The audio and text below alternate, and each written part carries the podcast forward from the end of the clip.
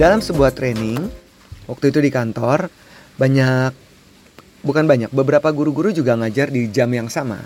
Dan satu guru kami ini, guru kami ini kencang banget, tapi sangat logik. Jadi di talking itu berbagai macam gaya guru mengajar dengan sesuai kepribadian mereka. Ada yang manis, ada yang sangat logik, terus straight to the point, ada yang sangat sophisticated, ada yang model kayak saya dan lain-lain. Jadi ini yang membuat sebuah organisasi sangat beragam karena orang-orang yang beda-beda. Nah, satu guru ini nih, guru ini sangat tegas. Tiba-tiba lagi break, kita ngobrol, dia cerita. Cerita tentang apa yang terjadi hari itu saat itu ketika sesi berlangsung. Kebetulan sang guru ini meneruskan sesi sebelumnya yang saya bawain. Dan kesan saya pada saat itu terhadap orang-orang yang ada di dalam kelas saya adalah orang-orang bapuk, orang-orang jadul, orang-orang yang pemikirannya sangat narrow minded. Makanya materi tentang boosting, boosting confidence, positive mindset itu masuk untuk membukakan cakrawala mereka. Kadang-kadang mereka juga hipokrit. Dan mereka usianya sudah di atas 45 tahunan. Terus mereka bilang gini di kelas pertama dengan saya. Saya masih bisa berubah gak sih? Dan saya bilang, ya berubah itu ya pilihan pak. Bapak mau berubah mau enggak ya terserah bapak. Tapi kalau bapak lihat berubah itu memberikan sesuatu yang lebih baik, ya perlu dirubah. Dan siapa yang bisa merubah ya cuma diri kita sendiri. Nah singkat cerita begitulah ya sedikit penjelasan tentang orang-orang yang ada di dalam kelas tersebut. Nah, masuk hari kedua dengan sang guru ini nih yang sangat straight to the point. Ketemu lagi nih dengan model-model yang sama. Dan setiap training walaupun dua hari itu tidak bisa mereka mendapatkan atau research atau orang-orang di HR atau di human capital akan mendapatkan quick fix and quick win. That will never happen ya. Training hanya membukakan cakrawala, membantu kesadaran untuk seseorang sadar bahwa mereka harus berubah.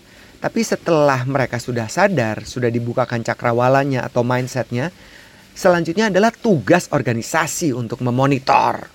Tugas, wah gue pakai tekanannya. Tugas HR untuk jagain untuk monitoring, ada KPI, ada 360 dan lain-lain. Nah, si bapak bapak itu udah tahu mereka harus berubah. Terus tapi karakter masih ada kan? Nyolot, denial, terus nyeletuk-nyeletuk di kelas. Nah, ketemulah nih dengan si guru kami nih yang straight to the point, dihajar. Dan kebetulan saya deng lagi denger tuh sesi berlangsung karena saya lagi ada di ruang tamu di mana terdengar suaranya. Wah, saya asik nih, sikat, hajar. Sampailah pada saat break dan guru tersebut ngomong ke saya. Mas, tadi lo kemarin lo gimana? Iya gue gini, iya tuh gue sikatin semua. Iya gue setuju gue dengerin lo sikat-sikatin. Tahu nggak? Ada satu bapak ngeyel banget. Yang ini kan, yes, ngeyel banget nyeletuk mulu. Ngeladenin mulu. Gue nggak pernah kasih panggung. Kata si guru itu kepada saya. Oh iya bagus dong. Tapi selalu mepet terus. Akhirnya gue hajar aja sekalian. Gue bilang bapak tahu nggak sih dari tadi saya nggak kasih panggung tapi bapak selalu minta panggung? Kenapa sih pak? Do you have any problem? Gitu ya. Wah bayang ya kalau anda ada dalam sebuah kelas dan terjadi diskusi seperti itu Orang yang nyeletuk-nyeletuk melulu tentu ganggu ya kayak laler. Ya gak sih? Kayak caper cari perhatian. Seperti juga si bapak itu. Akhirnya si bapak bilang, iya nih. Saya nih ayah dari sekian banyak putra dan putri. Dan ketika saya punya anak terakhir saya, saya baru merasa menjadi ayah. Kenapa? Kata sang guru. Ya karena anak-anak yang awal saya kami lahirkan kami saya sedang mem, mem, meniti karir. Jadi saya sibuk, saya nggak punya waktu. Terus si guru ini langsung bilang gini, nah gini nih, orang-orang kayak Anda ini nih yang yang mau be, tahu beres dan gak mau berubah. Anda gak akur kan dengan anak-anak Anda kecuali anak bungsu Anda. Terus Anda mau bikin apa dengan anak-anak itu? Anda menikah, Anda dikasih titipan sama Tuhan. Punya anak. Sedangkan orang lain mengidam-idamkan anak. Belum juga dikaruniai anak. Anda, anda begitu dikasih dan gak cuma satu. Anda sia-siakan. Dan sekarang Anda sudah tahu ada gap yang harus Anda perbaiki. Gak heran anak-anak Anda yang udah mulai remaja, dewasa itu gak akur sama Anda. Makanya Anda cari perhatian di kelas ini. Waduh, gila gak tuh? Itu kan menohok banget ya. Kalau tiba-tiba Anda meninggal, bagaimana titipan Tuhan? Mau Anda apain itu anak? Pilihan Anda di waktu sisa Anda nih, Anda mau berubah nggak? Merangkul anak-anak Anda kembali. Wah tuh, saya kebayang ya suasana tuh ya. Si bapak seperti dipojokkan dengan kesadaran yang tinggi dan realita yang sangat vivid, sangat jelas. Akhirnya si bapak bilang ini, ya, yeah, this is about the time for me to change. Saya mau berubah. Saya mau kembali merajut hubungan yang sudah retak dengan anak-anak saya yang sudah saya besarkan, tapi saya tidak sentuh mereka. Nah, winners dari cerita ini, ini memberi, memberikan kesadaran kepada kita ya, bahwa kalau orang-orang yang stubborn, yang punya mental block ini, nggak dijedotin ke tembok, mungkin juga mereka nggak pernah sadar sampai mereka mati. Jadi untuk kita nih, untuk Anda mungkin yang belum sadar, Coba deh Anda pikirin sebuah nightmare. What if apa yang terjadi kalau ternyata pola pikir Anda, tingkah Anda, cara komunikasi Anda tidak Anda rubah karena Anda nggak pernah sadar. Coba deh take time to have a self reflection and you know what to do. Oops upside your head. Say oops upside your head. Say oops upside your head. Say oops upside your head. Say oops upside your head. Say oops upside your head. Say oops upside your head. Say oops upside your head. Say oops upside your head. I'm back at you again. Upside your head. Radio station is WGAP. Say oops upside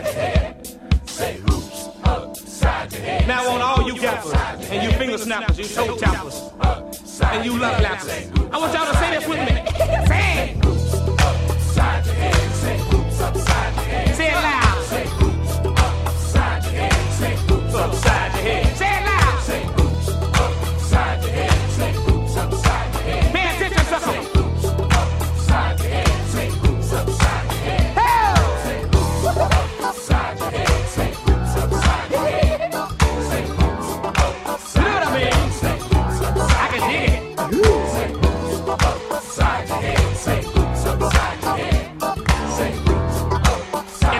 Difference. You gonna dance anyway.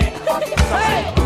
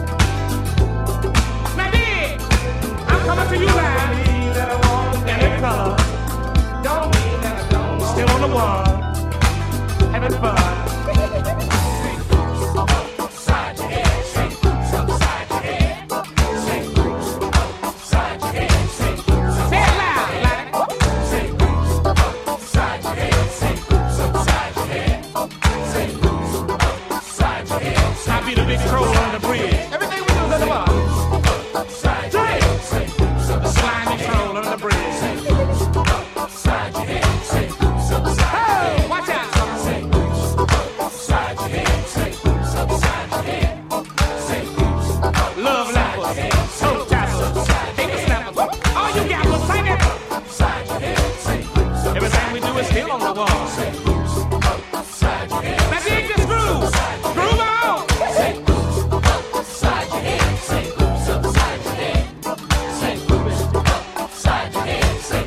said, wait a minute.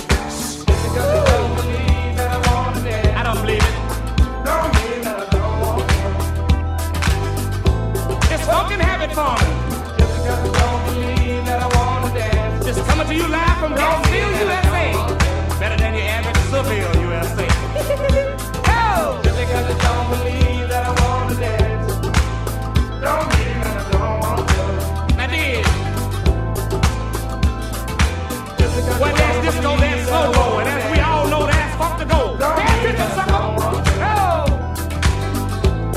the bridge.